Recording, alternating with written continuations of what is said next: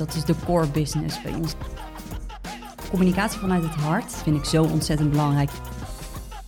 Binding maak je niet met een logo. Dus je ziet ook dat collega's heel erg gebruik maken van die content. En we zagen echt likes, die hield maar niet op. Bij ons draait alles om verbinding en netwerken. Goeiedag en welkom bij een nieuwe aflevering van Yellow Chat, de podcast van Evolve. Mijn naam is Bram Koster en naast mij zit gewoontegetrouw Peter Haan, baas van Evolve, oprichter van Evolve, directeur van Evolve, maar vooral gewoon Peter. Peter. En gewoontegetrouw vind ik wel een groot woord. Het heeft best lang geduurd voordat we hier bij elkaar zaten. Ja, de gewoonte is even onderbroken geweest. Excuses aan de, de vaste luisteraars die nou, maandenlang op een houtje hebben moeten bijten uh, in afwachting van deze aflevering. Ik hoop dat jullie het uh, doorstaan hebben. Wij hebben het wel vanuit die ook doorstaan, in ieder geval die maanden. Dat, wel meer dan dat durf ik te zeggen. De laatste aflevering was alweer van juni. In september hebben wij een uh, event gevierd vanwege 10 jaar Evolve. En Yay. daar hebben we nog meer gelanceerd. Nou, we hebben daar van alles gelanceerd. Sowieso voor de mensen die er niet bij waren, ontzettend jammer. Je hebt wat gemist. Maar wat we natuurlijk gedaan hebben, is gewoon uh, gevierd dat we wel uh, tien jaar uh, allerlei mensen mogen helpen met hun, met hun vraagstukken. Maar we hebben ook weer een onderzoeksrapport gelanceerd over de stand van zaken van interne digitale media in Nederland, waar ik geloof weer meer dan 100 organisaties meegedaan hebben. Ja. En wat we gedaan hebben is een nieuwe dienst aangekondigd. Dus we de content creatietak, waar dit weer een voorbeeld van is, wat we aan het doen zijn. Creëren van content. En wat houdt die tak in? Wat het inhoudt is eigenlijk dat we naast contentstrategie, wat we eigenlijk al deden, ook tegenwoordig gewoon content kunnen maken. Dus we doen uh, campagnematige dingen. Dus uh, bij, rondom activaties van je digitale platform. Maar ook het schrijven van internetteksten, nieuwsredactie. Eigenlijk alles wat je met content doet, zowel in beeld, video als geluid. Dat maken we tegenwoordig allemaal zelf. En daarmee hopen we onze klanten, onze opdrachtgevers weer een klein beetje verder mee te helpen. Dus alles om een internet een levend medium te maken. Dat is heel mooi gezegd. Oké, okay, hartstikke mooi. Nou ja, ook nieuw. We zitten hier in een nieuwe ruimte op het hoofdkantoor van Evolve in Zeist. In de studio. Ja, want als je content gaat creëren heb je natuurlijk ook een studio nodig. Precies. Dus we dachten, dat doen we dan ook. Nou, en, en jullie zijn als luisteraar getuige van de eerste opnames vanuit die nieuwe studio hier in Zeist. En belangrijker dan dat wij daar zitten, Peter. Zeker. Het is hartstikke belangrijk dat wij er zijn. Veel belangrijker nog is onze gast van vandaag. En dat is uh, Sarah Munoz Grootveld. Hey, welkom. welkom. Ja, Leuk we, hier te we, zijn. We, we, hebben geen publiek voor applaus, maar uh, desalniettemin zijn we heel blij met je komst. Voor de mensen die Sarah niet kennen, dat zal, nou, er zullen nog mensen zijn die je niet kennen. Ondanks dat je onlangs in het jeugdjournaal hebt gezeten. Het klokhuis. Het klokhuis, sorry. Ja. Kun je uitleggen wie Sarah Munoz, Munoz Grootveld is? Ja, ik ben ondertussen al 18 jaar als communicatieprofessional aan het werk. En daarvan uh, de laatste acht jaar voor het ministerie van Buitenlandse Zaken. Sinds vorig jaar mag ik een uh, heel mooi team uh, leiden als coördinator en stratege corporate en interne communicatie bij Buitenlandse Zaken. En nou, ik vertel jullie vandaag heel graag hoe we dat doen en hoe we dat aanpakken en waar we ook tegenaan lopen. Ja, en daarover gaan we het vandaag hebben. In een, een aantal onderwerpen gaan we langs jouw werk bij Buitenlandse Zaken. We gaan het hebben over gewoon wat houdt het überhaupt in binnen buitenlandse zaken, maar ook over het internationale, multiculturele aspect, et cetera. En laten we dan meteen bij dat eerste beginnen. Hoe werkt interne communicatie binnen buitenlandse zaken? Nou, wij hebben een directie communicatie binnen buitenlandse zaken, COM. Hè? Uh, makkelijke afkorting. Ja. En uh, eigenlijk zijn we als uh, directie zijn we, georganiseerd in vier stromen. Dat zijn multidisciplinaire teams, waarvan twee van de teams zich richten op alle onderwerpen die met beleidscommunicatie en onze ministers te maken hebben. We hebben één stroom die zich richt op buitenlandse doelgroepen en publieksdiplomatie. En mijn stroom, mijn team, richt zich op corporate en interne communicatie. En we hebben ook een aantal collega's die zich richten op consulaire communicatie. En die corporate en interne tak, dat is dus één stroom, multidisciplinair. Maar er zijn wel een aantal mensen die echt specifiek met de interne communicatie bezig zijn. Nou, ik natuurlijk als coördinator. Werk veel samen met onze bestuursraad, dus aan de bestuurlijke communicatie. Daarnaast hebben we iemand uh, die uh, zich vooral richt op bedrijfsvoering, dus bedrijfsvoeringscommunicatie. Uh, alles wat met ons pand te maken heeft, alles wat met ICT te maken heeft met hybride werken, enorm belangrijk natuurlijk. En ik heb twee uh, hele goede redacteuren in mijn team die voor ons BZ Bus, dat is onze app, interne nieuwsapp, schrijven. En ook voor ons Rijksportaal. En daarnaast zitten er nog allerlei andere mensen in het team, maar die houden zich dus ook bezig met corporate communicatie, externe kant. Oh, en ik heb nog een uh, media adviseur die uh, ons helpt bij allerlei projecten. Oké, dat klinkt al best professioneel. En dan ga ik er voor het gemak nog even vanuit, want we hebben het nu gehad over de centrale afdeling, dat er decentraal ook professionals rondlopen op directies en dergelijke, die zich daar bemoeien met interne communicatie. Ja, klopt. Maar interne communicatie binnen het ministerie, wat houdt dat in? Wat zijn dan je doelen? Nou, eigenlijk uh, grofweg kun je dat verdelen in vier doelen. En het zal jullie niet verbazen. In eerste instantie is het natuurlijk ontzettend belangrijk, en vooral in deze tijd, om verbinding te houden met elkaar. En dat met 5500 medewerkers wereldwijd, van lokale collega's, dus collega's uit het land zelf op alle posten, tot aan de uitgezonden collega's, tot aan onze collega's in Den Haag. Daarnaast verbinding met het werk. Dus hoe ziet dat werk er nou eigenlijk uit? Hoe kun je het werk het beste doen? Verbinding met onze organisatie, het BZ-merk zeggen we ook wel. En verbinding met de koers van BZ of alignment. We hebben het vaak over koers. Dus dat zijn de vier, grofweg de vier doelen waar we ons op richten met interne communicatie. Is veel verbinding. Veel verbinding, ja. Ja, dat is eigenlijk wel het kernwoord uh, bij ons. Vooral natuurlijk de afgelopen 2,5 jaar, of twee jaar, uh, tijdens de coronacrisis. Die verbinding is ontzettend belangrijk. Ja. En hoe komt dat tot uiting? Hoe zorg je ervoor dat mensen verbonden raken met de, of blijven met elkaar, met de, de organisatie, met het werk?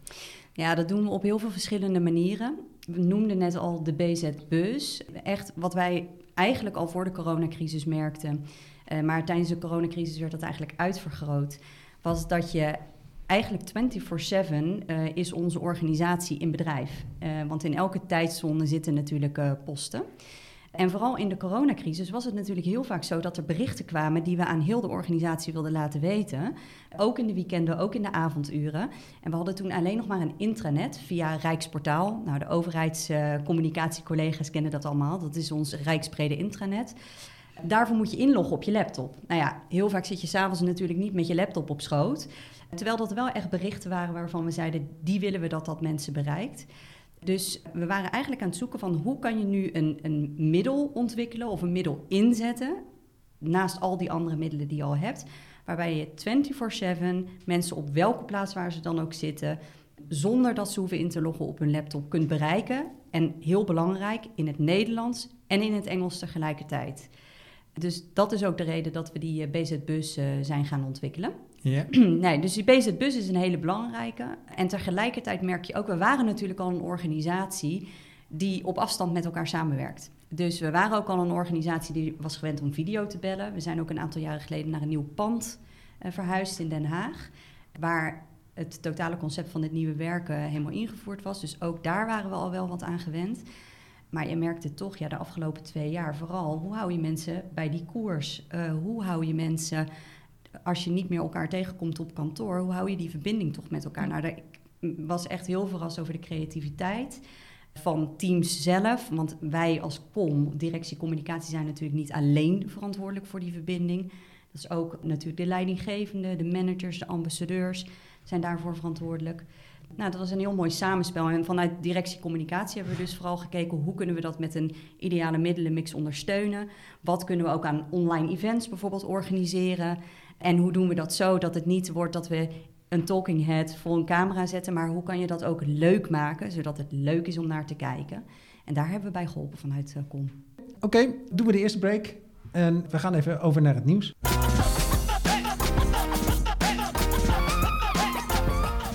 Het nieuwsbrand. Ja, uh, nieuw in deze podcast, uh, dames en heren luisteraars. We gaan uh, even de drie actuele onderwerpen beetpakken. Het eerste artikel dat we vandaag even behandelen, dat was It caught my eye. Hoe zeg je dat in het Nederlands? Het raakt um, mijn oog. Ja. het kwam op mijn netvlies. Slack is een tool die de meeste mensen uh, misschien wel kennen. Het is in ieder geval een van de manieren waarop je als medewerkers op afstand makkelijk contact kunt onderhouden. En de titel van het artikel dat ik tegenkwam op Axios is Even Slack's CEO is still trying to figure out hybrid work. Nou, dat is een beetje bemoedigend. Hè? Als zij het al niet weten hoe het in elkaar zit, prima. Wat nog veel meer opviel in het verslag was een uitspraak van hem. Namelijk dat bij grote organisaties zo'n 50 tot 60 procent van de tijd die de gemiddelde medewerker spendeert, wordt besteed aan communication of one sort of another. Peter, 50 tot 60 procent van de tijd dat medewerkers bezig zijn, gaat op aan communicatie. Dit, dit, was een uitspraak over een grotere organisatie van 10.000 man, en gemiddeld, bla bla. Maar toch. Ja. Uh, wat denk jij? Zit hij er ver naast? Nou, ik denk er verschillende, verschillende dingen bij. Ik denk enerzijds, wanneer gaan dan die mensen gewoon aan het werk? Als je alleen maar met elkaar aan het, uh, het horen bent. Ik denk alleen niet dat hij er heel erg ver naast zit. Want ik denk namelijk dat, dat zeker in grote organisaties... en zeker in veel organisaties gewoon kenniswerk...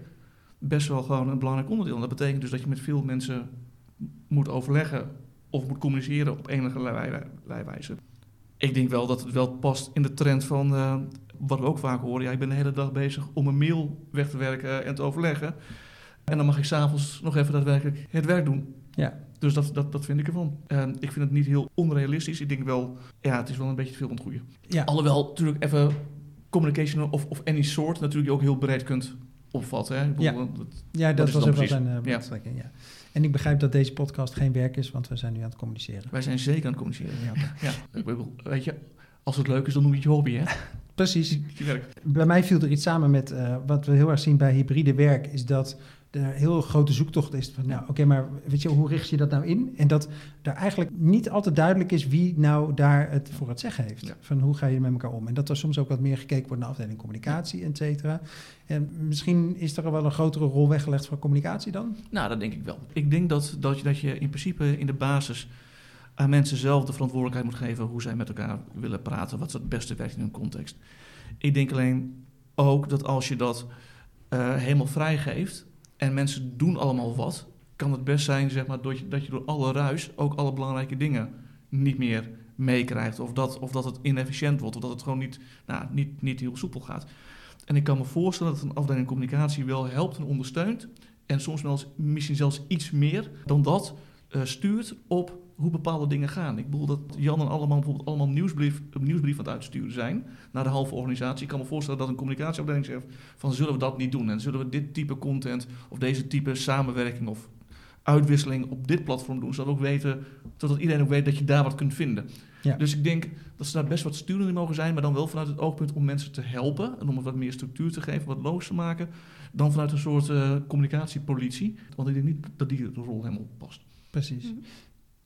Sarah, als het gaat over hybride werken, uh, eigenlijk Peter zei net al van joh, jullie zijn misschien wel heel veel gedecentraliseerder, meer, uh, minder aan het kantoor gebonden. Dat viel in de praktijk wel mee, zei je net al zelf. Maar hoe werkt hybride werken binnen buitenlandse zaken? Nou, dat is wel uh, interessant, want Peter, jij zei net iets over het helemaal loslaten. Wat ik wel interessant vind om te zien is dat er bij ons, wij werken niet met een normering. Dus er wordt niet gezegd je moet 50% op kantoor en 50% thuis. Uh, wat er wel is gezegd, uh, is dat het aan de eigen teams en directies wordt overgelaten en aan de posten. Want ik zei net ook al iets over die context is zo verschillend. Of je nou op een kleine post in Afrika of op een grote post in Washington met 100 man werkt. Of dat je in Den Haag een beleidsmedewerker bent. Of dat je in Den Haag in de bedrijfsvoering werkt. Of vanwege allerlei informatie waarmee je werkt, verplicht op kantoor moet zijn. Dus wat wij eigenlijk tegen de organisatie hebben gezegd en tegen teams hebben gezegd, is bekijk samen met je team, samen met je directie, wat het beste past bij het werk wat je doet. En maak daarover afspraken met elkaar. Daarin hebben we wel zeven uitgangspunten geformuleerd, waarin er is gezegd helemaal thuis of vijf dagen per week op kantoor is dan ook weer niet uh, de bedoeling. En kijk daarin hoe je dat met elkaar organiseert. En wat we heel erg belangrijk vinden, is dat je deelneemt aan bepaalde uh, bijeenkomsten zodat je wel die verbinding met je team ook houdt. Ja. Dus dat is hoe we dat doen. En nou ja, Peter, jij zei er ook al iets over. Je, je kunt dat natuurlijk ondersteunen vanuit de afdeling communicatie. En zo kijk ik er ook naar. Dus uh, we hebben een heel mooi programma-team uh, Hybride Werken, die er allemaal vorm aan geeft. Die ook nu een aantal experimenten aan het doen is met teams. Om ook gewoon te ervaren in de praktijk van welke afspraken moet je maken, welke ondersteuning heb je nodig. Hoe kan je die sociale cohesie of hè, dus die verbinding met elkaar nou ondersteunen? En met de ervaring uit die experimenten gaan we natuurlijk ook weer kijken van welke stap moeten we dan verder zetten. En vanuit de directie communicatie vind ik het vooral belangrijk dat we kijken bijvoorbeeld naar hoe kunnen we dat nou ondersteunen met een ideale middelenmix, met zo'n bus. Uh, hoe kunnen we de content die we maken daar zo goed mogelijk op afstemmen? Hoe kan je online events organiseren die passen, die ondersteunend zijn aan die verbinding houden met elkaar? Dus op die manier kijk ik, uh, kijken wij er ook naar als buitenlandse zaken. Oké, en we gaan terug naar het uh, vaste programma. Want we gaan naar het volgende onderwerp. Ja, want ik vroeg me af, uh, Sarah, want je zei zo net, verbinding is belangrijk, zeker in deze tijd. Ja. En, en dat snap ik natuurlijk. En ergens, maar ergens verbaast het ook. Want als nu één organisatie al gewend was om decentraal te werken en dus hybride te werken, dan, dan waren jullie Klopt. het. Waarin was dan de afgelopen twee jaar anders dan de jaren daarvoor? Dat het nog belangrijker werd? Ja, dat is wel een goede vraag. Ik, ik bedacht me ook, uh, Bram, toen jij vroeg van het is wel veel verbinding. Toen dacht ik, ja, maar dat is de core business. Bij ons draait alles ja. om verbinding en netwerken. Um, nou, wat het anders maakt is, ook al waren wij heel erg gewend om hybride te werken, hè, vanaf verschillende locaties, toch was het wel heel erg georiënteerd van de meeste tijd van je werktijd was je toch op kantoor aanwezig. En nu zat je met z'n allen collectief thuis. Dus je had niet meer die momentjes even met elkaar, dat informele. Je moest ook heel erg denken van, ja, je ontmoet elkaar niet meer automatisch in een kantoorsetting. Hoe doe je dat dan wel? Dus ook al zijn, waren we dat al heel erg gewend, je merkt toch dat het echt helemaal niet meer op kantoor zijn, ja, dat is toch wel een andere koek. En we kregen bijvoorbeeld ook een nieuwe secretaris-generaal, de hoogste ambtenaar bij ons, die staat voor die koers van onze organisatie. Ja, die kwam in coronatijd en we namen afscheid van onze oude secretaris-generaal, ook in coronatijd. Ja, hoe doe je dat dan, weet je wel? En tegelijkertijd was het ook een heel mooi moment, want we hadden een, een bijeenkomst waar uh, nou uh, 400, 500 mensen ineens bij konden zijn. Terwijl we dat voor corona live ergens in een grote zaal hadden gedaan. Zodat je, ja, dat, dat is toch anders. Dus het is gemakkelijker, laagdrempeliger ook geworden. Bood stiekem ook veel kansen dus. Ja, zeker. Oké, okay. en je hebt het al over bus.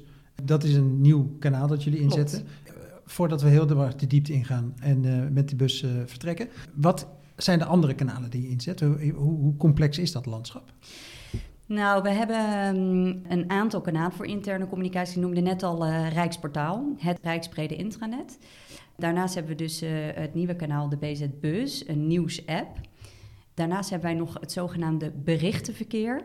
Dat moet je zien als een soort berichtendienst waar je ook gerubriceerde, dus dat is uh, nou ja, ver, versleutelde informatie kunt versturen, maar wordt ook gebruikt voor allerlei andere uh, soorten informatie. En dat bestaat al heel lang, maar dat gebruiken mensen nog steeds om allerlei berichten rond te sturen. Dan hebben we ook nog de e-mail. Uh, we hebben online events die we organiseren. En daarnaast wil ik toch ook de videoboodschappen noemen. Want ik merk toch wel, nou, in coronatijd is dat helemaal toegenomen, daarvoor ook al. Maar video is toch wel echt ontzettend belangrijk geworden. Dus ik snap heel goed, uh, Peter en Bram, dat jullie die content tak. Ja, dat is ons zo ontzettend belangrijk. En misschien wel interessant om te noemen, dat bedacht ik me op weg hier naartoe, is wat we ook hebben gemerkt, is dat heel veel van onze externe communicatie, wij hebben bijvoorbeeld ook een eigen podcast, maar ook onze social media kanalen en de content die we daarop maken, dat we ook zien dat heel veel van onze collega's onze social media kanalen volgen. En onze podcast, nou ik ging kijken waar die ter wereld allemaal wordt bekeken, nou dat is echt gewoon heel de kaartjes dekkend. Dus je ziet ook dat collega's heel erg gebruik maken van die content. Dat eigenlijk externe communicatie ook als interne communicatie geldt. Klopt, klopt, ja. Ja, dat is wel mooi. Nu maak ik even een sprongetje zelf. Maar in mijn beleving is het vaak zo dat dat soort content misschien nog wel meer bijdraagt aan zaken als trots dan de interne kanalen aan zich. Omdat mensen dan ook zien, hé, hey, dit is de, de buitenwereld weet nu ook wat ik doe. Ja. Zeg maar, of waar ik aan bijdraag. Ja, nou, wat ik eigenlijk heb gemerkt uh, en waar ik ook als communicatieprofessional eigenlijk al de afgelopen 18 jaar voor sta, is ik vind communicatie, die, communicatie vanuit het hart en communicatie over mensen vind ik zo ontzettend belangrijk. Ik, van de week gaf ik een, uh, nog een presentatie over corporate en interne communicatie aan ons nieuwe diplomaten, onze nieuwe diplomaten. Die zijn net gestart. Toen zei ik ook van, weet je, verbinding maak je niet met een logo of een gebouw. Tien jaar geleden, de meeste websites waar je naartoe ging, daar stond heel mooi een foto van het gebouw van de organisatie. Ja, dat zegt natuurlijk helemaal niks. Dus die mens centraal stellen in de interne communicatie is wel echt ontzettend belangrijk. En wat ik wel mooi vind, is we hadden een rubriek bedacht, eigenlijk op een soort van achternamiddag tijdens de coronacrisis. Hoe is het nu met? Daarin kwamen echt lokale collega's uit Afrika tot uh, de collega die uh, in Den Haag woont, kwamen aan bod met foto's en liet zien hoe ze erbij zaten thuis. En met de familie soms met drie kinderen om zich heen of meer. Aan een keukentafeltje op de strijkplank met de laptop. En ik dacht in het begin, nou, weet je, is leuk.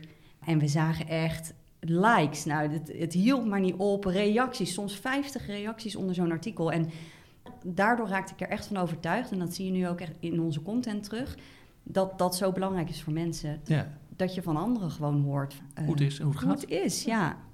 En het is wel mooi, want je zegt van ja, ik sta 18 jaar voor communicatie vanuit het hart. Ja. En dat je dan toch nog ook verrast kan zijn over hoe goed dat dan werkt, kennelijk. Ja, en soms denk je, ik zeg het ook heel vaak tegen mensen, het lijken soms open deuren, omdat je het zo van nature doet als mens in je privéleven. Hè? Tuurlijk is het heel normaal dat je met elkaar van mens tot mens spreekt. En ik heb toch het idee, heel vaak in organisaties en, en in mijn vak in de interne communicatie, dat je merkt dat mensen dan in een soort van mode schieten. En dan krijg je bijvoorbeeld een intern stukje voor ons intranet, ons Rijksportaal. En dan lees ik dan en zeg ik, jongens, dit is toch allemaal beleidstaal? Dat moet toch anders kunnen? Kunnen we dit niet in gewone mensentaal vertellen? En eh, nou ja, dat kunnen ze uiteindelijk wel. Maar in het begin is dat toch altijd even een knop omzetten. Want ze, ja, ze denken toch dat ze in een soort beleidsmatige werkmodus moeten schieten. Nou ja, en het is natuurlijk ook spannend, hè? want tenminste de gedachte is dan, we moeten een professional zijn en het moet allemaal kloppend zijn en alle Ja. nuances moeten erin zitten, Ja. in plaats van dat je gewoon vertelt hoe het is. Ja. Snap ik Ja. wel. Oké, als we dan nu wel even die sprong maken naar die BZ-bus, ehm, Ja. de app die je noemt. Je noemt net een hele reeks kanalen Ja. die er allemaal zijn. Eigenlijk zijn er dus al best wel veel manieren waarop je medewerkers kunt bereiken. En dan toch kom je tot de conclusie, we missen nog een app. Ja. Kun je vertellen hoe dat in zijn werk is gegaan? Hoe ben je tot dat inzicht gekomen? Ja, eigenlijk al voor corona waren we heel erg aan het kijken van hoe, ziet onze, hoe zien onze kanalen er nou eigenlijk uit en wat doen we op welk kanaal. Wat we eigenlijk ook zagen is, nou je geeft het zelf ook aan, best wel veel kanalen, maar we zagen ook, en we krijgen dat nog steeds wel terug, dus daar moeten we echt nog stappen in maken, is er komt enorm veel informatie op mensen af. En tegelijkertijd merkten we dus ook dat je soms je medewerkers ook wilt bereiken buiten de normale kantooruren.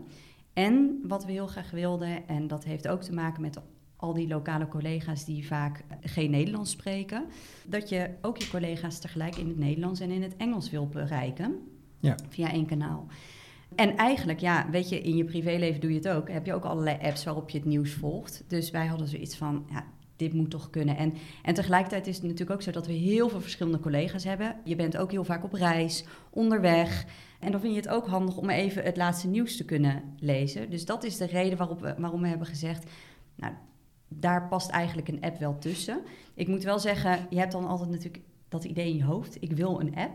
Maar ik zei, jongens, ja, dat weten we. Maar laten we eerst even pas op de plaats maken en kijken... hoe zien onze kanalen eruit? Wat is nu eigenlijk onze kanalenstrategie? En daarvoor lag nog, wat is onze contentstrategie? En op basis daarvan hebben we gekeken, past daar dan ook echt een app tussen? Ja. En, Ja. en het antwoord bleek ja. Het antwoord bleek ja. En nu heb je dus een app die alleen door medewerkers is te downloaden, neem ik aan. Ja, en, klopt. en wat staat daar dan voor content op? En staat die content ook elders te vinden? Of heb je ook echt content die alleen voor dat kanaal is? Je had Ja. twee collega's die alleen voor bus schrijven, geloof ik. Ja. Noemde je net? Ja, zij zijn de interne redacteuren. Dus zij schrijven voor Bus en Rijksportaal. Zij doen eigenlijk alle interne content. Nou, eigenlijk, we, we hebben ook drie pijlers in onze content. Dus we onderscheiden Hero, Hub en Help content. Jullie natuurlijk wel bekend. Ja. Waar we de bus vooral voor inzetten is die hero content. Dus eigenlijk al die verhalen van collega's over hun werk, over wat ze meemaken. Maar ook vanuit de bestuursraad, vanuit onze bestuurders, over de koers van de organisatie. Dus dat is eigenlijk echt het kanaal wat we daarvoor gebruiken. Ik moet wel zeggen, we zijn nu een paar maanden bezig. Het is ook nog wel een beetje zoeken, want je bent natuurlijk ook heel erg geneigd dat je zegt, nou, we hebben een servicemelding. Hadden het er vanmorgen nog over met onze redacteuren. Een servicemelding, de lift is kapot. Nou, die wordt nu ook in die app gezet. Ik zei, ja, ik vind dat toch een beetje zonde van je content op die timeline. Dus moeten we dit nu eigenlijk wel zo doen? Ik zeg, ik kan me wel voorstellen als het echt iets is waar je van wil dat iedereen het echt nu ziet. En tegelijkertijd ook op die app, ja, dat eh, bij ons de liften in Den Haag kapot zijn. Ja, dat zal echt onze medewerker in Madrid op de ambassade, die denkt van, eh, Ja. het is wel prima. Ja, dus dat is, eh, dat is wat we daar doen. Een Rijksportaal proberen we echt in te zetten. Dat is ook net helemaal vernieuwd. Dat proberen we vooral in te zetten met allerlei wat meer statische informatie over hoe je je werk moet doen. Op allerlei vlakken, dus vanuit de bedrijfsvoeringskant, vanuit personeelszaken, noem maar op. En daar zie je ook wel, we plaatsen ook nog wel echt het belangrijke nieuws. Dus vanuit eh, de bestuursraad of vanuit de minister zeggen we ook dat plaatsen we nog dubbel. Dus het nieuws wat je echt niet mag missen. Want we hebben wel gezegd, we kunnen collega's niet verplichten om die app op de telefoon te zetten. En je merkt ook wel, en dat vind ik ook nog wel een uitdaging, niet iedereen zegt van nou ik wil dat nieuws op die app lezen. Dat Ja. vind ik op mijn telefoon en ik zit al heel de dag op een scherm. Dus dat is wel uitdagend. En het berichtenverkeer, wat ik net zei, dat ze, en de e-mail zetten we vooral in voor werkinstructies. En Ja. hoe doe je je werk? Daar hebben we ook nog een apart portaal voor om allerlei dingen te regelen. Ja. Precies. Oké. Nou, dus als ik het samenvat, eh, Sarah, dan zeg je eigenlijk voor eh, alignment en voor engagement zetten we in de basis de app in. Ja. En ook een beetje voor de zekerheid Rijksportaal. Ja. Beleidsinformatie zetten we op Rijksportaal. Ja. Inclusief de hygiëne content Ja. en de, de, eh, de werkinstructies, dat soort dingen allemaal. Ja, klopt. Nou, werkinstructies doen we voornamelijk ook via dat Zoals zoals het berichtverkeer. Ja, Ja. helder. Oké, en eh, voor de luisteraar die het eh, Hero Hub Help model niet kent, als je het googelt, kan je, kom je het overal tegen. Het is een model van oorspronkelijk van YouTube voor eh, eh, videoreclames, et cetera. Maar eh, het is breder inzetbaar dan dat. Dat blijkt wel uit hoe je het vertelt. Ja. Dan is het weer tijd voor een nieuwsflash.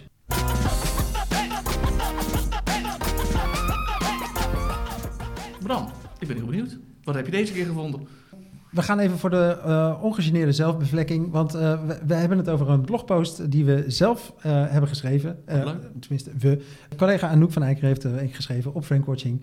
De titel is Waarom een community manager onmisbaar is in een hybride organisatie. De titel zegt eigenlijk ook wel heel goed waar het artikel over gaat. Een quote uit het artikel is... Waar komt de sterkere focus op verbinding nu ineens vandaan? We merken enerzijds dat organisaties minder grip ervaren sinds we meer op afstand werken. Anderzijds voelen medewerkers zich ook steeds vaker verdwaald. Peter, kijk naar jou. Kijk Ehm, terug. zie je dat ook echt zo terug in de praktijk? Ja, ik denk dat over het algemeen organisaties, en dat zie je nu ook met hoeveel mensen weer teruggaan naar het werk, zeg maar, eh, toch een beetje het gevoel hebben van we moeten een beetje kijken wat mensen nu precies aan het doen zijn. En dan niet zozeer in de, in de, in de controlerende sfeer, maar juist in het kader van verbinding, dus contact houden met en gevoel krijgen bij, ja, hoe zitten mensen erin? Dus dat is enerzijds het gevoel. En aan de medewerkerskant eh, zien we het ook, en, en we weten het eigenlijk ook. We hebben in december 2020, dus in de hoogtij van corona, hebben we onderzoek gedaan naar hoe zit je er eigenlijk in en, eh, en ben je nog een beetje blij in het, in het werk en het leven, zeg maar. Ja, en dan geeft bijna 83% geeft aan dat ze zich veel minder verbonden voelen met het werk. En ja, dat doet dus ook iets met hoe, hoe mensen erin zitten. Hè. Ik bedoel, ehm, het doet dus iets met het algemene werkgelukcijfer, zeg maar. En wat daar opvallend in is, is dat dat werkgelukcijfer is dus best wel generationeel afhankelijk. Want wat we zien is dat de jonge, jongere mensen zijn in de tijden van corona voelden zich veel ongelukkiger dan, dan de ouderen. En dat scheelt zelfs eh, aan mijn hoofd eh, 0,8 procentpunt verschil. Dus van 6,6 voor de jongeren tot 7,4 voor de ouderen. Wat best substantieel is. Eh, en dat heeft puur te maken met, als je jong bent, dan is, is werk ook een sociaal ding. Dan ken je de organisatie misschien nog niet zo goed. Dan wil je dan een netwerken opbouwen. Ja, als, als je wat ouder bent en je werkt misschien al, al jaren ergens. Ja, dan heb je dat. En dan is het ook heel makkelijk om, digitaal contact te zoeken. Terwijl, ja, als je die contacten niet hebt, dan moet je het toch vooral hebben van nou, elkaar tegenkomen in overleggen en toevallige meetings, noem het allemaal op. Dus ja, het, het gevoel van eh, gebrek aan verbinding herkennen we zeker. En ook het effect daarvan op het werkplezier dat mensen hebben. Herken jij dit, eh, Sarah? Is, dit, eh, ik bedoel, jullie zijn ook weer in de slag natuurlijk om gewoon naar kantoor te gaan, et cetera. Maar zie jij ook verschillen in groep collega's? Dat de een makkelijker weer terug naar, komt naar kantoor of juist heel graag terugkomt naar kantoor? Ja, ik herken heel erg wat Peter zegt. Je ziet het vooral bij ehm, de jongere collega's. Collega's die in coronatijd zijn begonnen. Ik denk ook elke keer, jeetje, ik... Is toch best wel intens om in een, sowieso in een nieuwe organisatie, eh, maar ook helemaal als je helemaal nieuw bent binnen de Rijksoverheid, om dan zo'n organisatie in te stappen via je beeldscherm. Dus vooral daar zie je ook eh, inderdaad dat zij echt behoefte hebben om naar kantoor te gaan. Ik, eh, een van mijn jonge collega's zegt heel vaak tegen mij: Ik heb zo de behoefte om ook bij iemand af te kijken hoe je dat doet, het vak afkijken. En dan denk ik: Ja, ik kan me dat wel voorstellen, want Ja. natuurlijk doe je dat als je net aan het werk bent. Dus ik herken dat. Wat ik ook wel heel fijn en goed vind, is dat we tijdens die coronatijd wel echt hebben geprobeerd om vinger aan de pols te houden eh, via allerlei medewerkerstevredenheidsonderzoeken of, of afgeleiden daarvan. Om ook te kijken van ja, hoe zit het nou met die verbondenheid? Zat ook heel vaak natuurlijk op het vlak van communicatie. Hè? Hoe wil je dan in contact blijven? Dus op basis daarvan hebben we ook kunnen kijken van ja, hoe, waar moeten we dan actie op ondernemen? Wat moeten we doen? Eh, werd ook in teams veel besproken. Dus ik herken het inderdaad. Wat ik een bijzondere vond, is dat onze collega's op de posten aangaven tijdens corona dat ze zich meer verbonden voelden dan voor corona. En dat vond ik zo interessant. En tegelijkertijd dacht ik ook van ja, ik vind het heel, ook al uh, deden we al heel veel met uh, videocalls enzovoort.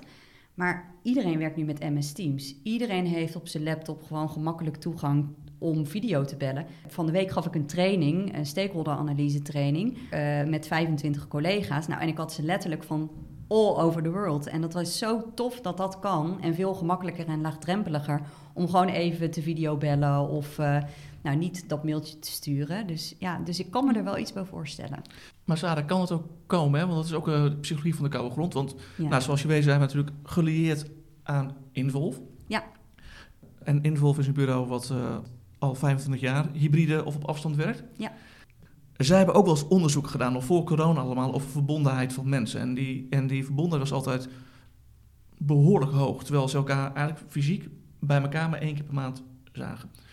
En de reden waarom dat zo hoog was, omdat er daardoor ook, omdat ze dus niet bij elkaar waren, verbinding dus ook niet vanzelfsprekend is en er dus ook meer moeite voor gedaan wordt om het te organiseren. Ja. Ik kan me ook voorstellen, maar nogmaals, dat is de vraag hè, die ik nu als stelling poneer, dat toen iedereen zich bewuster werd van we zitten meer op afstand, dat er ook meer aandacht is aan het structureel organiseren en mensen erbij halen. En nou ja, dat het minder vanzelfsprekend is dat je elkaar nou, op de werkvloer tegenkomt. Dus dat jij dus ook meer voor doet.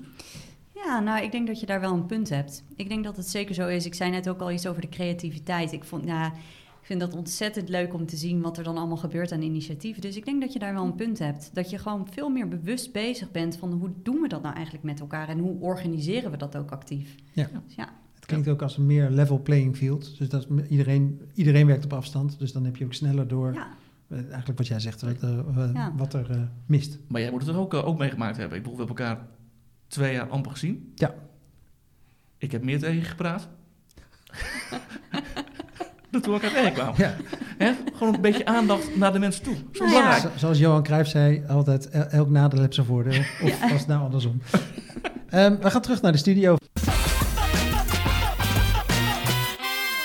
Het volgende onderwerp, namelijk um, waar we het over willen hebben, is wat natuurlijk uniek is aan uh, buitenlandse zaken, is het feit dat jullie internationaal werken, enorm verspreid zijn over de wereldbol, maar ook dat jullie eigenlijk heel internationale organisatie zijn. Dat begint natuurlijk even gewoon bij het feit dat jullie verspreid zijn over die wereld met ambassades, consulaten en weet ik dat dan niet. Maar daar zitten heel veel mensen op die ambassades en consulaten, zijn mensen van daar die voor buitenlandse zaken werken. Heb je enig inzicht in hoeveel mensen dat ongeveer zijn? Hoe, hoeveel mensen zijn, werken er vanuit Den Haag? Hoeveel op de ambassades en hoeveel zijn geen Nederlander in die zin? Ja, nou we hebben in totaal ongeveer 5500 medewerkers wereldwijd. Uh, we hebben 150 posten. En wat ik net al zei, dat varieert van posten van 100 mensen tot posten van 2 mensen. Dus er, daar zit heel veel variatie in. En we hebben ongeveer 1500 mensen werken in Den Haag. En de rest, die werken dus verspreid over die posten. En daar is dan ook weer een deel lokaal van, zoals we dat zeggen. Dus dat zijn de mensen van dat land die voor ons werken. Ja, ja. maar dat, dat is de helft ongeveer die niet Nederlander is. Ja, klopt. Okay. Ja. Dat, Is, uh, dat is best interessant. Ja, en trouwens ook heel belangrijk voor ons, uh, die lokale collega's. In welke zin?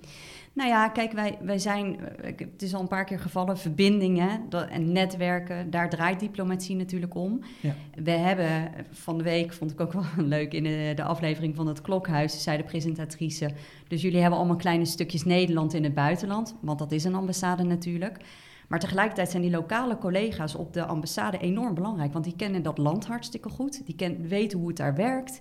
Uh, dus ja, die, die verbinding, zeg maar, die, die combinatie van Nederlanders op zo'n post en lokale collega's is super belangrijk om je werk goed te kunnen doen. Ja. En die verbinding ook echt te maken daar. En die snap ik, en dat is een hele mooie. Ja. Jouw taak is het ook om al die mensen ook weer met elkaar te verbinden. Klopt. Dat lijkt me best een uitdaging. Ja, dat, dat is ook echt wel uitdagend. Want behalve de taal, uh, wat natuurlijk een barrière is, zijn er ook andere dingen die natuurlijk een rol spelen. En jij zegt dat is jouw rol vanuit de directie communicatie om dat te doen. Nou ja, ik zie dat iets breder dan dat. Want natuurlijk hebben wij daar een rol in als directie communicatie. Maar tegelijkertijd is het natuurlijk ook ja, op al die posten. Sta je er ook als team voor? Sta je er ook als vanuit de, de managers hebben daar natuurlijk een belangrijke rol in. En die moeten dat ook zo goed mogelijk kunnen doen. Dus voor die managers op de post is het vooral belangrijk dat ze die informatie hebben, uh, dat ze de communicatie hebben en dat ze ook weten van wat is nu belangrijk aan, om aan mijn uh, mensen over te brengen.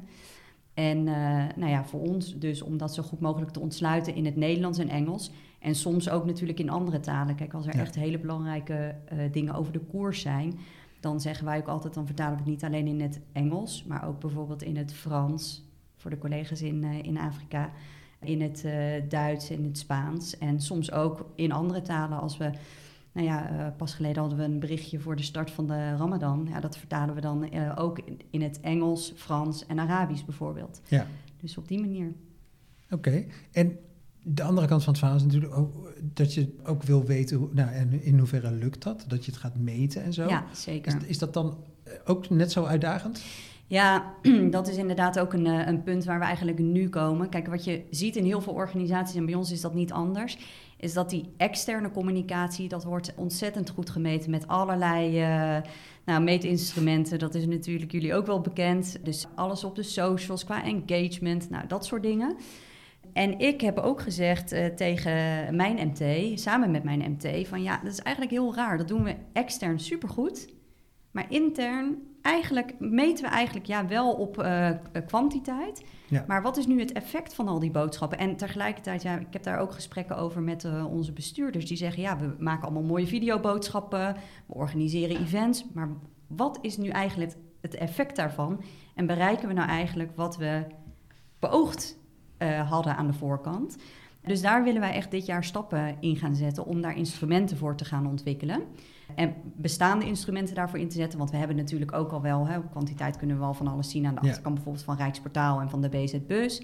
Maar we zijn ook wel aan het zoeken van wat kunnen we nog meer doen. Ja. En ik ben ook vooral geïnteresseerd. Ja, en hoe kunnen we dat dan nog beter doen, ook richting de lokale collega's? Hoe kunnen we die verbinding nog beter maken? Behalve dan het in het Engels aan te bieden en heel goed te kijken als je een boodschap deelt. Weet je, de boodschap voor Nederlandse collega's die is echt anders dan voor de collega's op de posten. Dus ik vind hè, de doelgroep medewerkers op één hoop gooien, dat, nou, dat werkt bij ons sowieso niet. Dus uh, we kijken ook altijd heel goed van, je hebt één, iets wat je over wil brengen en hoe kan je nou voor die verschillende groepen verschillende boodschappen ook maken. Ja, dat snap ik wel. Ja. Je hebt het de hele tijd over koers. En ik kan me voorstellen dat er, weet je, er zijn natuurlijk waardes die je wil uitstralen als organisatie. Ik kan me voorstellen dat die ook misschien wel heel Hollands zijn voor mensen die niet van hier zijn. Dus dat, dat mensen in andere continenten, in andere talen, ja, eh, of een andere opvatting hebben over zo'n begrip. Waar loop je tegenaan in dat uh, traject? Nou, ik denk, en dat vind ik over het algemeen met kernwaarden zo, uh, of met waarden. Als organisatie is het denk ik heel belangrijk om daarover in gesprek te gaan met elkaar. Dus het is super mooi natuurlijk om je. Nou, Toevallig had ik daar vanochtend ook weer een gesprek met iemand over, over corporate stories en over kernwaarden. Het is natuurlijk prachtig om dat allemaal uit te werken en op papier te hebben. Maar uiteindelijk moet dat gaan leven. En dat doe je alleen maar om daarover met elkaar in gesprek te gaan. En dat is natuurlijk ook zo in het geval bij ons, hè, met zo'n internationale organisatie. Dat je dus met elkaar, bij welke directie je dan ook werkt, op welke post je dan ook werkt, met je team in gesprek moet gaan van, ja, hoe werkt dat dan voor ons? En het ook moeten hebben over de verschillen met elkaar, om daar goed ja, je weg in te vinden en daar handen en voeten aan te geven en dat ook echt tot leven te brengen. Ja. Want ja, het is natuurlijk zo dat ja, als je met Nederlanders en lokale collega's samenwerkt, ja, daar, daar zitten verschillen in hoe je naar elkaar, hè, hoe je naar bepaalde waarden kijkt, bepaalde vraagstukken kijkt. Uh, Dus daar moet je het over hebben met elkaar. Ja, want het, het, werkt natuurlijk ook de andere kant op. Ik kan me ook voorstellen dat het voor mensen die, die je noemde volgens mij net uh, ongeveer 1500 mensen die uh, gewoon in Den Haag op het ministerie werken, dat die buitenwereld misschien ook wel weer eens ver weg voelt. En dat je dan ook dat weer naar binnen moet zien te halen. Dus het, een deel van de cultuur of van de waarden ook gewoon meer doorleefd worden ter plekke, de, in de, de landen om ons heen. En dat dat naar binnen moet worden gehaald. Um, en tegelijkertijd heb je natuurlijk te maken met de situatie. Goh, de, de, het is een heel internationale organisatie, 150 eh, posten. Als de waarden daar anders doorleefd worden, dan is het misschien ook wel zo dat die waarden weer terug moeten komen. Of in ieder geval dat, dat het gesprek ook toe moet leiden dat er in Den Haag misschien anders wordt gekeken tegen dingen. Eh. Ja, zeker. Ja, en dat, toen ik je net antwoordde, toen bedacht ik me, dit is wel een hele belangrijke, want behalve met elkaar erover in gesprek gaan, is het voor ons als directie communicatie natuurlijk heel belangrijk dat je die boodschappen goed afstemt.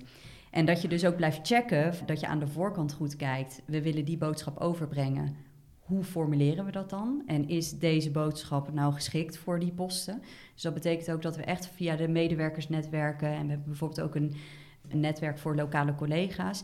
die betrekken we ook heel vaak om te kijken van... hey, deze boodschap willen we nu overbrengen... maar hoe leeft dat eigenlijk bij de posten? Want daar zitten soms hele andere vraagstukken... dan bij collega's in Den Haag.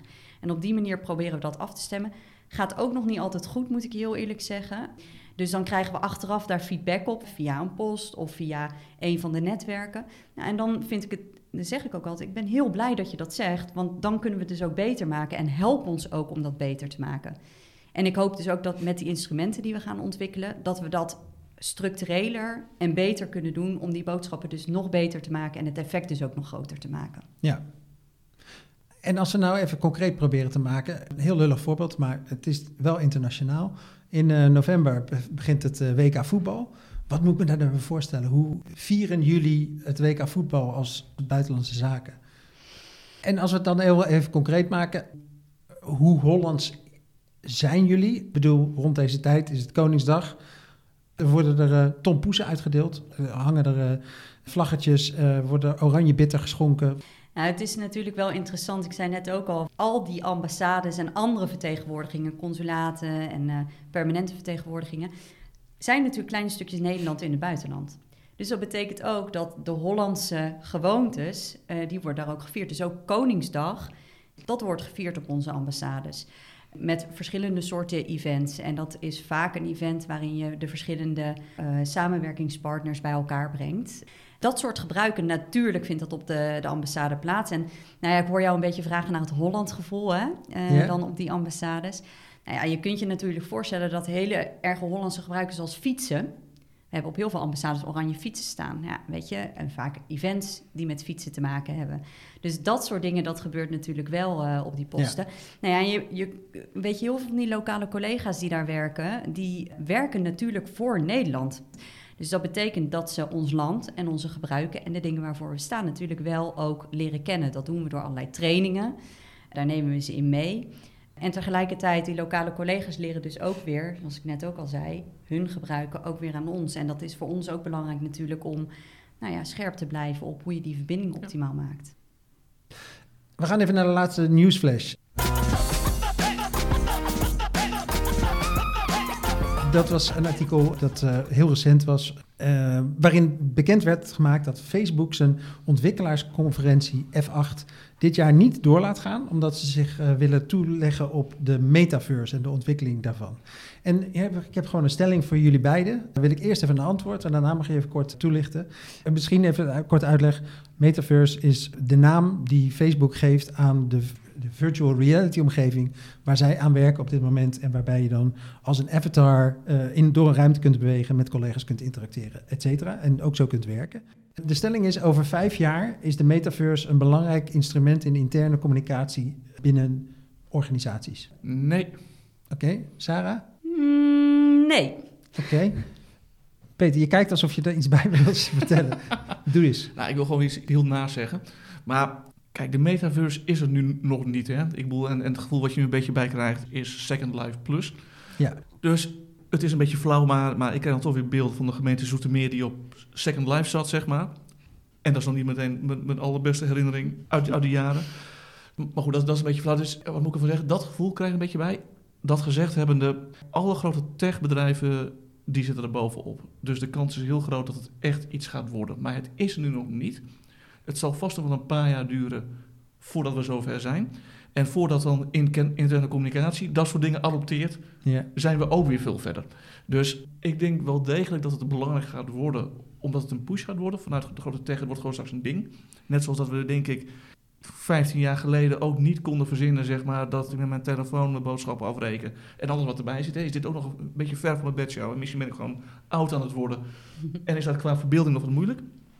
Dus ik denk wel dat, dat het iets gaat worden. Maar voordat wij het gaan meemaken, dan zijn we wel een tijdje verder. Oké. Okay. Ja. Sarah, nog iets aan toe te voegen? Nou, je hoorde mijn twijfel natuurlijk toen ik uh, nee zei. Ik denk ook dat het uh, een langere adem nodig heeft. Tegelijkertijd zie ik wel mogelijkheden. Als je het hebt over ontmoetingen, als je het hebt over die koffieautomaatmomentjes. ik denk dat daar zeker wel mogelijkheden in zitten.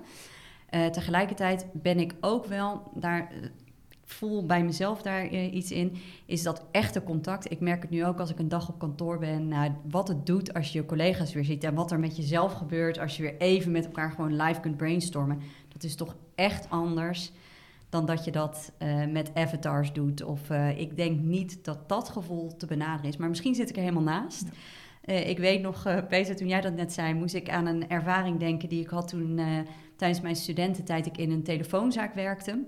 Waar de eer, eerste telefoon eraan kwam met een camera erop. Ja, ik voel me nu heel oud, maar waar ik zei tegen een klant: Jeetje, moet je kijken. Ja, tegenwoordig kan je ook al echt gewoon mooie foto's, kan je foto's maken met je telefoon. Ja, nu is het gewoon niet meer weg te denken. Dus ik denk ook wel dat het echt, uh, nou, dat er echt potentie in zit. Maar over vijf jaar, ik denk dat dat ook nog te kort is. Maar nou, wat ik al zeg, misschien zit ik er totaal naast. En uh, zweven we dadelijk rond in onze avatar-wereld om uh, bij het koffiezetapparaat. Zou ja. zomaar kunnen. Ja, precies. En het ligt er ook een beetje aan hoe je, hoe je het uitlegt. Ja. Ik denk dat het allemaal zit in, in, in hoe het uiteindelijk wordt opgebouwd. Ja. ja, het is wel natuurlijk heel tof. Dat, dat bedacht ik me ook, weet je. Behalve de koffieautomaatmomentjes voor ons bijvoorbeeld, denk ik dan aan posten. Stel je voor, hoe gaaf ja. is het dat je kunt zeggen tegen mijn collega in Zuid-Afrika... hey, ik kom vanmiddag even bij je langs, virtueel. Ja. ja. daar zie ik wel echt mogelijkheden in. Ja. En natuurlijk ook in de diplomatie uh, zijn er echt wel mogelijkheden te bedenken... om elkaar te ontmoeten op die manier. Het grappige is, eigenlijk zeg je inderdaad, je schetst de twee, uh, de uiterste bijna. Met, en, en, in mijn hoofd blijft dat communicatie vanuit het hart hangen. Uh, communicatie vanuit het hart is natuurlijk het, werkt het best gewoon in persoon. Ja. Maar misschien is het dan toch meer in persoon dan een mailtje. Of in ieder geval de, de, de wat minder rijke communicatiekanalen die er al zijn. Ja. Dus nou ja, als je over vijf jaar dit aan het terugluisteren bent, kun je ons om de oren slaan met de wijsheid van dan. Maar uh, we kijken uit naar de ontwikkeling in ieder geval. En uh, mocht het zover zijn, dan zitten wij er bovenop, toch, Peter? Bovenop, bovenop. Precies. Echt bovenop. Oké. Okay.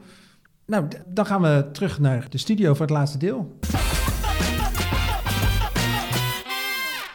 Sarah, je hebt het uh, meerdere keren gehad over de koers. Uh, de koers van Buitenlandse Zaken. Wat mij intrigeert is Buitenlandse Zaken lijkt me nou bij uitstek een, organisatie die ook gedreven wordt door de wereldontwikkelingen. We hebben nu te maken met een oorlog in Europa, maar er zijn natuurlijk uh, veel meer aanleidingen toe. In hoeverre kun je daar, uh, heb je daar sturing in of ben je heel erg afhankelijk van wat er in de rest van de wereld gebeurt?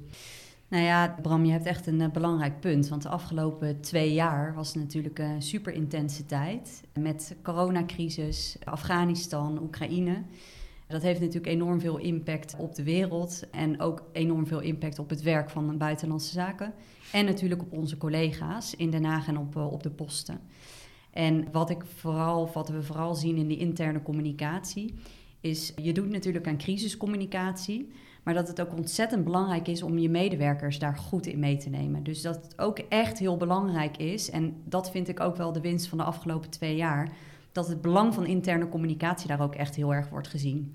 Dus dat wat je naar buiten toe uh, meldt, dat het ook heel belangrijk is om daar een interne vertaling naar te maken.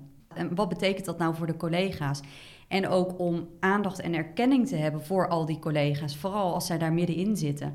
Dus dat betekent dat je ook dan altijd meedenkt van, nou, wat moet er gebeuren richting bijvoorbeeld collega's op de post, uh, of andere groepen collega's die daar misschien uh, 24 uur per dag mee bezig zijn.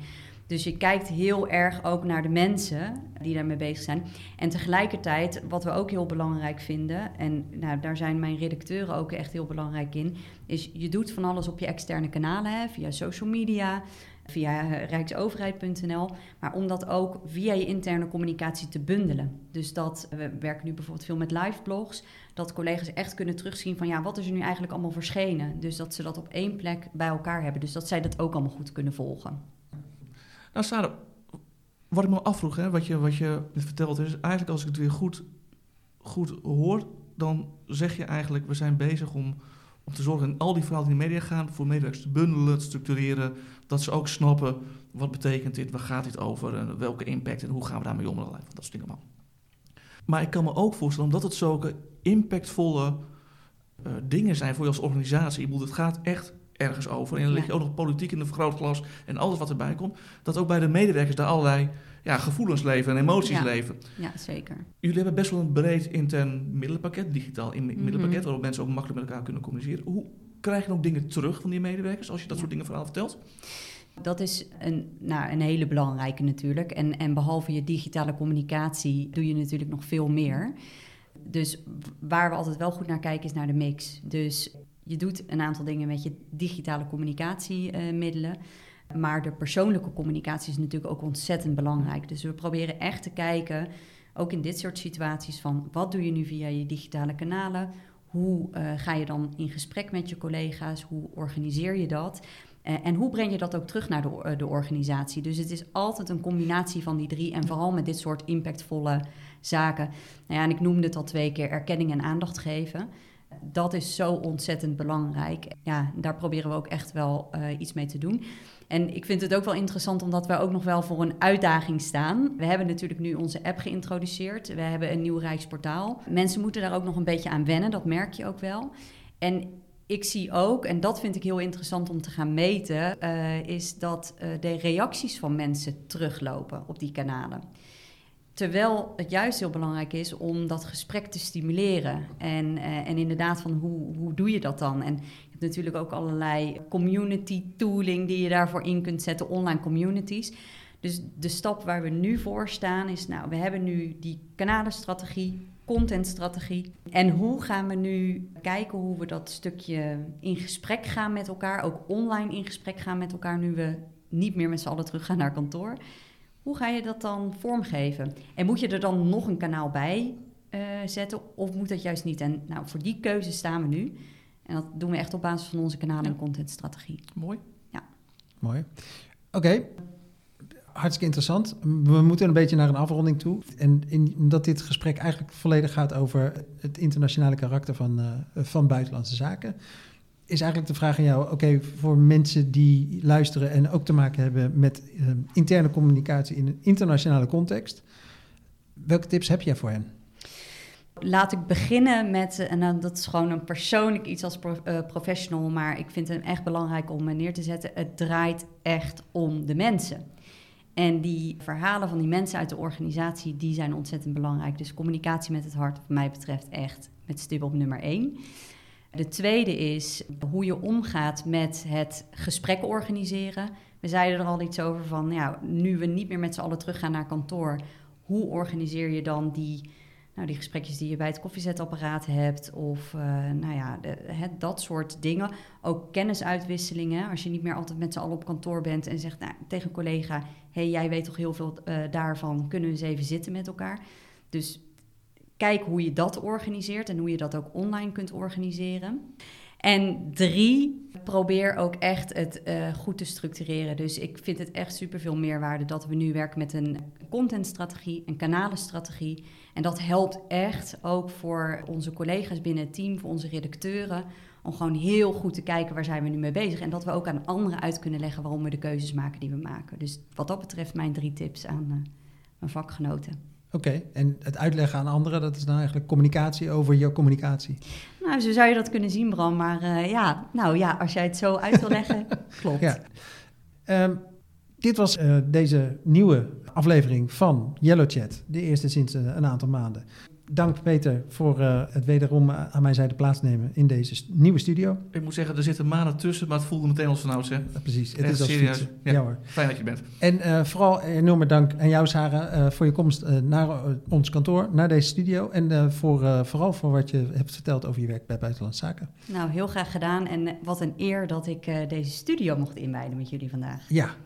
En dank aan jullie luisteraars. Jullie horen van ons sneller dan over een paar maanden. Weet je zeker? Ja, dat weet ik zeker. En graag tot dan. Hoi.